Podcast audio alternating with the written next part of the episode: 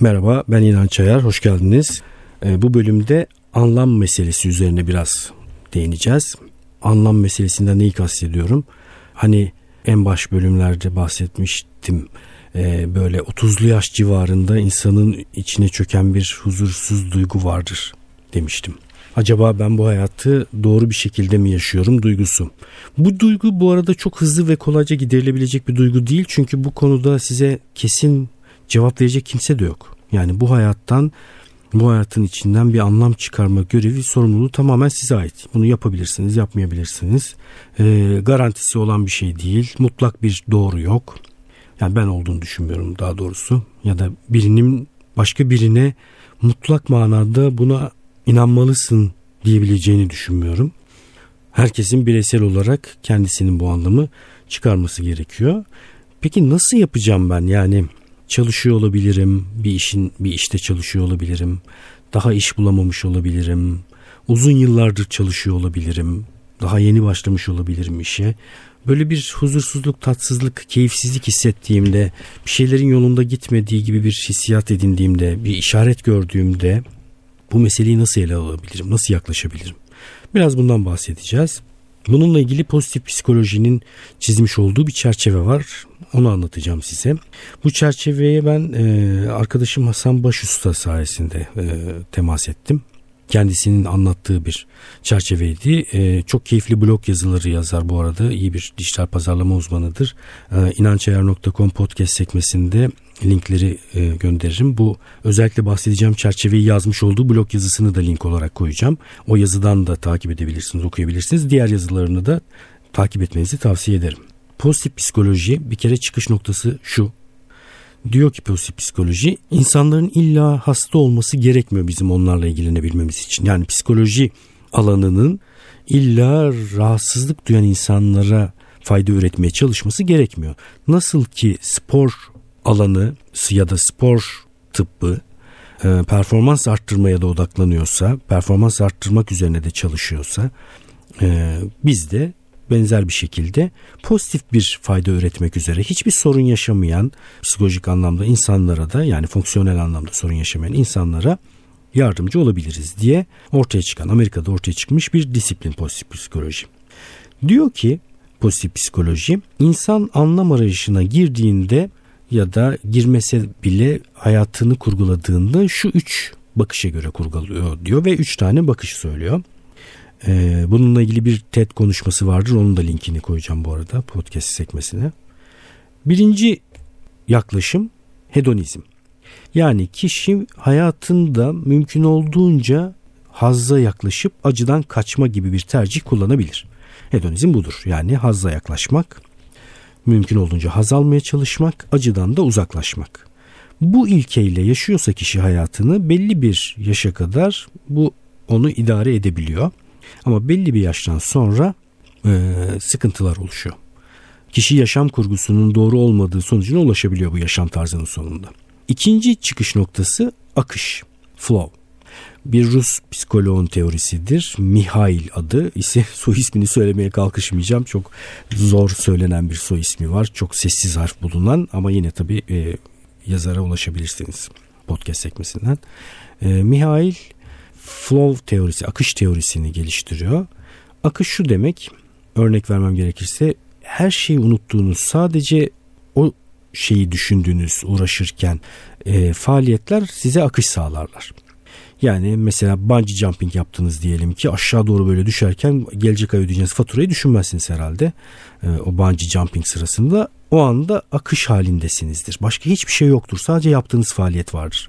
Şimdiki zamanda çakılı olmak diye de söyleyebiliriz bunu. Geçmiş ve geleceğin bir süreliğine unutulduğu, şimdiki zamanda yaşanan bir yaşam tarzı.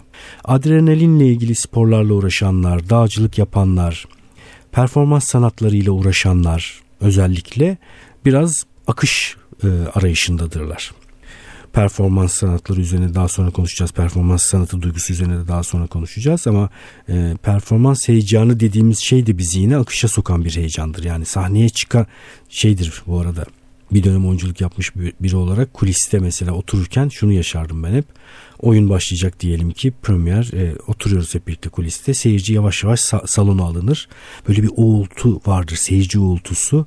E, gülü oynaya şen şakra kahkahalarla insanlar yerleşmeye başlarlar. O anda sizin zihninizden şu geçer. Allah kahretsin ben kendimi neden bu işin içerisine soktum? Şu anda ben de seyircilerle birlikte keyifle güle oynaya o salondaki koltuğa yerleşiyor olabilirdim. Ama şu anda stres içerisinde oyuna çıkmayı bekliyorum diye e, böyle e, büyük bir şey yaşarsınız. İkilem yaşarsınız. Sonra tabii sahneye çıktığınız anda e, akış başlar. Şimdiki zamandasınızdır. Geçmiş gelecek yoktur. Çok keyifli bir şekilde o işin içerisinde yer alırsınız. E, pozitif psikoloji diyor ki hedonizmden daha iyi bir versiyon akış e, halinde olmak ve akış aramak ama o da bir süre sonra sizi idare edemez hale gelebilir diyor. Geri bir üçüncü yol kalıyor. Pozitif psikolojinin de önerdiği yol anlam yolu. Üçüncü yolda da yaptığınız şey şu. Kendinizde güçlü bir yön buluyorsunuz. Bir ya da birkaç yön buluyorsunuz ve bunu kendinizden daha büyük bir şeye adıyorsunuz. Adanmış bir yaşam. Pozitif psikoloji diyor ki eğer böyle bir güçlü yan bulursanız, keşfederseniz ve bunu kendinizden daha büyük bir şeye adarsanız gerçekten anlamlı, meyve veren bir yaşam yaşarsınız diyor. İlginç. Simon Sinek vardır. Start with Why diye bir kitabı vardır. Çok da meşhur bir TED konuşması vardır. O da mesela şunu söyler. Neden araştırın? Önce nedenleri araştırın. Bir şeyi neden yaptığınızı araştırın. Eğer doğru nedenlere sahip olursanız o şeyi iyi yapmanın yolunu da bulursunuz der. Neden düşüncesi önemli bir düşünce. Amaç düşüncesi yine çok önemli. Amacın bulunmuş olması bizi bir şekilde daha verimli bir hayata doğru götürebilir. Ben mesela e, bir örnek vereyim. BBC'de bir keresinde bir belgesel izliyordum. Belgeselin genel konusunu hatırlamıyorum ama bir sahne hatırlıyorum özellikle. Bir tane fırın vardı. Fırın içerisinde genç bir fırın sahibi. Mikrofonla içeri daldılar çekim ekibi. Dediler ki biz sizin çok güzel ekmekler yaptığınızı duyduk röportaj yapmak istiyoruz dediler. O anda da fırından yeni ekmekler çıkmıştı. Bu önlüklü genç fırın sahibi ekmeklerden birini kaptı böyle ortasından ikiye böldü. Sonra kokladı. Bakar mısınız dedi. Ne kadar güzel kokuyor. İnanılmaz bir şey diye uzattı ekibe ekmeği. Ben bunu gördüğüm anda şunu düşünmüştüm. Yani bu insan sadece ekmek yapıyor olamaz. Başka bir şey var burada. Yani e, orada ekmek yapmanın ötesinde bir anlam var diye düşünmüştüm ekmek yapmanın kendisinde belki bulamayacağımız bir şeyi daha yaşıyor bu kişi diye düşünmüştüm. Bir de mesela vergi dairesinde benzeri bir sahne yaşamıştım. Nüfus müdürlüğünde pardon vergi dairesinde değil. Ben bürokrasiyi pek sevmem. Ve kaçabileceğim kadar kaçarım bürokrasiden. Yani yapmak zorunda olduğum bir şey vardı herhalde ki nüfus dairesine gitmişim. Oturuyorum nüfus cüzdanımın taze taze çıkmasını bekliyorum. Bir tane hanımefendi var o da anons yapıyor, isimleri okuyor. Gelenlere de işte damga vurup e, nüfus cüzdanının üzerine teslim ediyor. Daha çok da böyle yaşlıca teyzeler ve amcaların bulunduğu bir durum e, şeydi, saatti. Onlara güler yüzle bir şeyler söyleyerek, anlatarak bu teslimatı yapıyor ve insanlar da böyle gayet mutlu bir şekilde orayı terk ediyorlardı. Orada da benzer bir şey düşünmüştüm. Yani bu hanımefendi sadece mühür basmaktan bu kadar keyif alıyor olamaz büyük ihtimalle bu işe yüklediği bir anlam var diye içimden geçirmiştim. Yani ne bileyim ne olabilir mesela? İnsanlar zaten bürokrasi ile uğraşmak üzere, boğuşmak üzere buraya geliyorlar. Çok mutsuz oluyorlar. Bari ben onların hayatlarına biraz daha keyifli bir şey katayım diye düşünüyor olabilir. Bundan keyif alıyor olabilir. Onların mutlu olması onu mutlu ediyor olabilir. Ama mühür basmak değildir herhalde ona keyif veren. İmkansız da değil bu arada. Belki de çok delicesine bir şeylere mühür basmayı seviyordu olabilir yani. Bunu ihtimal dışında da bırakmayalım da Tahminim o yönde değil. Kendimle ilgili de örnek verebilirim. Ee, ben mesela ilk senelerde e, yetişkin eğitimi içerisinde eğitim verirken sınıf içinde eğitimdeyim. İşte ilk 3-5 sene. Yani bir şeyler yapıyorum. Ee, bir şeylerin içindeyim. Herkes gibi. Yani hepimiz böyle 30 yaşlara kadar böyle adeta suyun içerisinde akan bir yaprak gibi bir yerlere doğru gidiyoruz. Yani hayatın karşımıza çıkardığı bir takım şeyler var. Hiç anlamadığımız bir takım durumların içerisinde bulunmak durumundayız. Eğitimin içindeyiz. Eğitim eğitime giriyoruz. Yani üniversite okuyoruz, lise okuyoruz. Bize bir şeyler yaptırıyorlar. Böyle karambolde geçen bir takım yıllar. Çok az sayıda insan e, ben kendi bulunduğum noktaya kurgulayarak, düşünerek ve hayal ederek geldim diyordur herhalde. Çoğunlukla benzeri bir şey yaşıyoruzdur. Ben de mesela öyle gelmişim o noktaya. Bir şekilde eğitim veriyorum. Bir gün e, bir eğitim sonrası İzmir Belediyesi'ndendi galiba e, eğitime katılanlar. Eğitim bitiminde e, yaşlıca bir katılımcı, yaş, yaşça benden büyük bir katılımcı bana şöyle bir şey sormuştu. E, yaptırdığınız bir egzersiz vardı dikkat üzerine demişti odaklanma üzerine. E, ben çünkü eğitimin başında öğrenmeyi daha etkin hale getirmek üzere enerji, dikkat ve motivasyonu arttıran bir takım uygulamalar yaptırıyorum. O uygulamalardan birini odaklanma uygulamasını çok beğenmiş. Bana çok faydası dokundu. Benim hafıza ile ilgili bir takım problemlerim var. Bana başka ne önerebilirsiniz diye sordu. O anda ben şöyle bir şey yaşamıştım. Garip gelmişti bana. Yani benden deneyim olarak yaşça çok daha benden büyük birisi benden bir fayda bekliyor şu anda. O ana kadar niyeyse fayda ürettiğimi hissetmemişim demek ki. O anda kendi kendime şunu söylemiştim. İnanç aslında sen e, bir kaç saat içerisinde 3 saat bir atölye sonrasında bir yetişkinin hayatında bir şeyleri değiştirebilirsin demiştim. Bu keşfi yapmak, bu anlamı keşfetmek benim ondan sonra yaptığım faaliyetlerde daha iyi olmamı sağladı. Zaten çok ilginç bir şekilde siz yaptığınız faaliyetle ilgili nedeni ve anlamı keşfedip de o şeyi yapmaya başladığınızda o faaliyetle buluşan insanlar da bir değişiklik olduğunu fark ediyorlar. Sizin iş yapış biçiminizde bir başkalık olduğunu fark ediyorlar. Başka türlü yaklaştığınız bir şekilde o insanlara da sözlü olarak değil ama geçiyor anladığım kadarıyla. Belki o işi yapma coşkunuz değişiyordur. Bilemiyorum enerjiniz değişiyor olabilir. Yapma biçiminiz değişiyordur. Beden diliniz değişiyordur. O insanlar da bunu anlıyorlar. Onların da yani katılımcıların da benimle kurduğu ilişki değişmişti.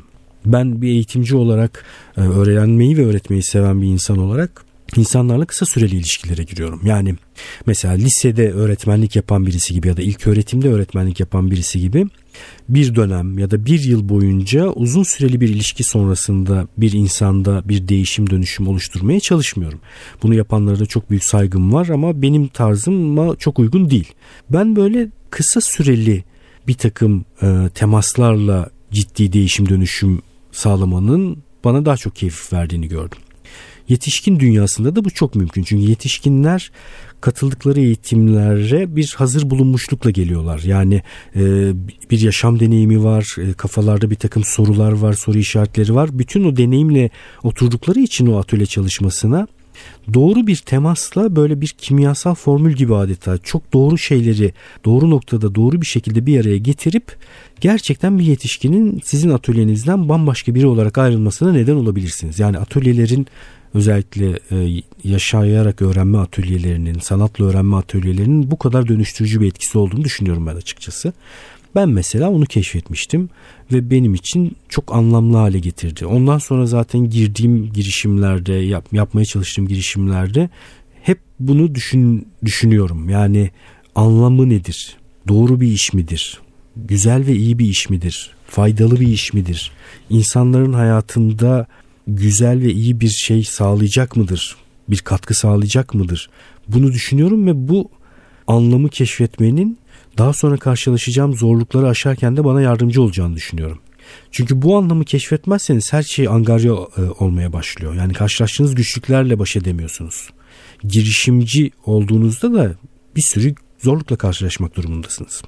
Zaten bir girişimi başka tip işlerden ayıran nedir? Bilinmezliktir, öngörülemezliktir ve risktir.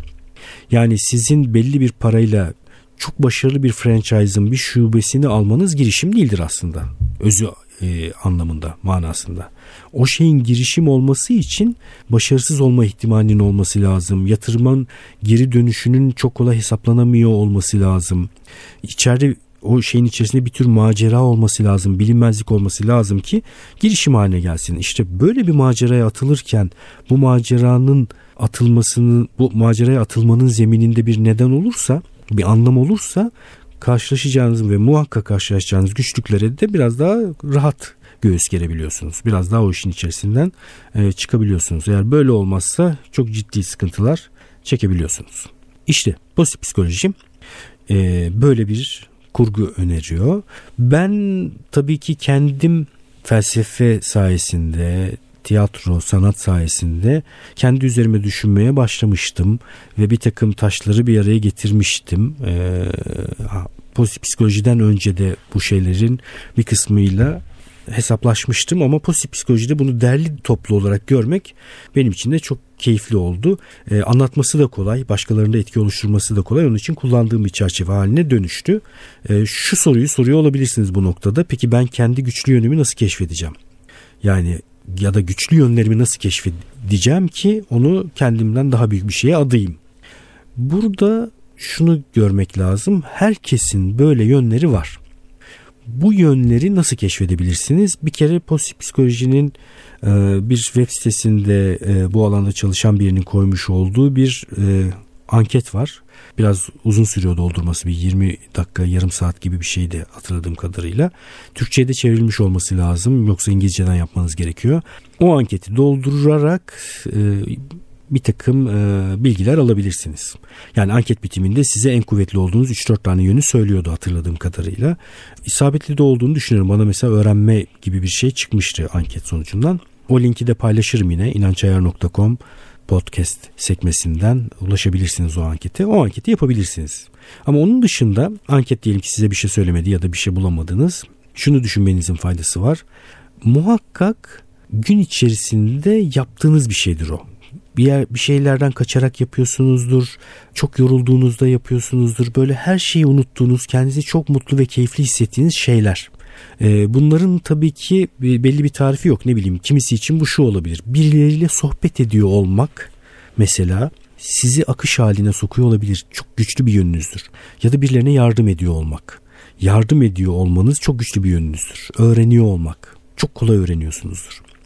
Performans içinde olmak performans göstermek güçlü bir yönünüz olabilir. Bir takım malzemeleri eğip büküp bir şeyler yapıyor olmak, e, ahşabı, metali sizin güçlü yönünüz olabilir. Sayılar güçlü yönünüz olabilir. E, nasıl anlarsınız? Dediğim gibi o şeyi yaparken kendinizi kaybediyor olmanız, başka hiçbir şey düşünmüyor olmanız ve çok keyifli olarak yapıyor olmanız lazım. Bu yönü keşfettikten sonra yapılması gereken şey bunun bir anlam çerçevesine oturtulması. Çünkü tek başına o faaliyetin kendisinde anlam bulmamız çok mümkün değil. Yani şunu düşünün. Mesela bir futbol antrenörü, e, gençlerle çalışan bir futbol antrenörünü düşünelim. E, öğretmek güçlü yönü olsun. Öğretmek güçlü yönü ama bu insan futbol öğretmek zorunda değildi aslında. Başka bir şey de öğretebilirdi. Önemli olan onu güçlü yönü kullanmak. Hadi diyelim ki futbolla ilgili bir şeyin içerisinde bulunmak da ona akış sağlıyor ve kendini çok kuvvetli ve güçlü hissediyor. Ee, anlamı onun eklemesi gerekir. Yani şunu demesi gerekir. Ben gençlerin potansiyeline ulaşması için onlarla bir araya geliyorum. Ben futbol sayesinde futbol ve başka her şeye başka türlü bakmalarını sağlayacak bir iş yapmak üzere onlarla bir aradayım gibi bir anlam da eklerse bu şeyin içerisine gerçekten çok verimli, keyifli bir hayat sürebilir diyor pozitif psikoloji. Benim de şu ana kadarki deneyimim bana bunun doğru olduğunu söylüyor. Yani kişinin güçlü olduğu, yeteneğinin olduğu, kendini iyi yetiştirdiği alanla e, mesleki olarak bu alanın örtüşmesi bir de anlamın bu çerçeveye katılmasının kurguyu güçlendirdiğini düşünüyorum.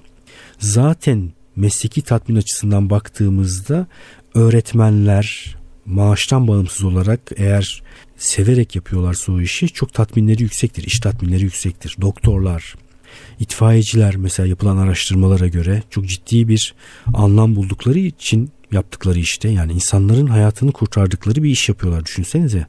Bayağı ciddi anlamın olduğu bir iş. Bu anlamı da keşfetmişlerse keyifli bir şekilde e, hayatlarını sürdürebiliyorlar. E, bu bölümde anlam meselesine e, bakmaya e, çalıştık anlam dediğimiz şeyin e, insanın kendisinin keşfedip o çerçeveye oturtması gereken bir şey olduğundan bahsettik. Yani ekmek üretmek, bir fırında çalışıyor olmanın kendisi aktivite bize o anlamı anlamı vermeyebilir ama biz o anlamı o faaliyete koyabiliriz diye konuştuk. Ben mesela işte yaptığım ekmeklerle buluşan insanların bir süreliğine en azından keyifli damak tadını besleyen bir şeyle buluşmalarını sağlamak istiyorum. Bir süre problemlerini unutmak istiyorum diyebilirsiniz. Ya da stand-up yapıyorsunuzdur. Amacınız bu olabilir. İnsanların yaşam kaygılarından anlık olarak uzaklaşmalarının onların hayatına katacağı zenginliğin peşinde olan bir stand-up sanatçısı olabilirsiniz. Bu şeyi yapıyor olmak ve bu anlamla yapıyor olmak sizi güçlendirecektir. Benim için yine çok keyifli bir e, podcast oldu. Umarım sizler için de öyle olmuştur. E, bölüm içerisinde geçen kitap isimleri, kişi isimleri, bahsettiğim şeylerle ilgili bir takım web sitesi linkleri varsa gerekiyorsa konulması onların hepsini bölüm başlığı altında inançayar.com'da podcast sekmesinden bulabilirsiniz, ulaşabilirsiniz. E, kurgu itibariyle başlardan itibaren bir miktar daha önce girişimi olmayan bir şeylere kalkışmaya çalışan insanları göz önünde bulundurarak bir şeyler anlatmaya ve bir şeyler paylaşmaya çalışıyorum. Ama yavaş yavaş hali hazırda bir e, girişimi ya da birden fazla girişimi olan bir startup kurmuş, bir ekibin içerisinde çalışan, e, büyümeye çalışan, startup'ını büyütmeye çalışan ekiplerle ilgili de paylaşımlara doğru yavaş yavaş geçmeye başlayacağım. E tabi zeminin sağlam olması için mümkün olduğunca öncelikle e, yaşam kurgusu üzerine konuşmaya çalıştım e, açıkçası. Mümkün olduğunca o alanda ilham, bulduğum ilhamları sizinle paylaşmaya çalıştım. Ben okumaya, öğrenmeye devam ediyorum. Okudukça, öğrendikçe, kendim problem çözmeye çalıştıkça, kendi girişimlerim için bir takım problemler çözmem gerekiyor. Öğrendiklerimi, aldığım ilhamları sizinle paylaşmaya devam edeceğim. Görüşmek üzere.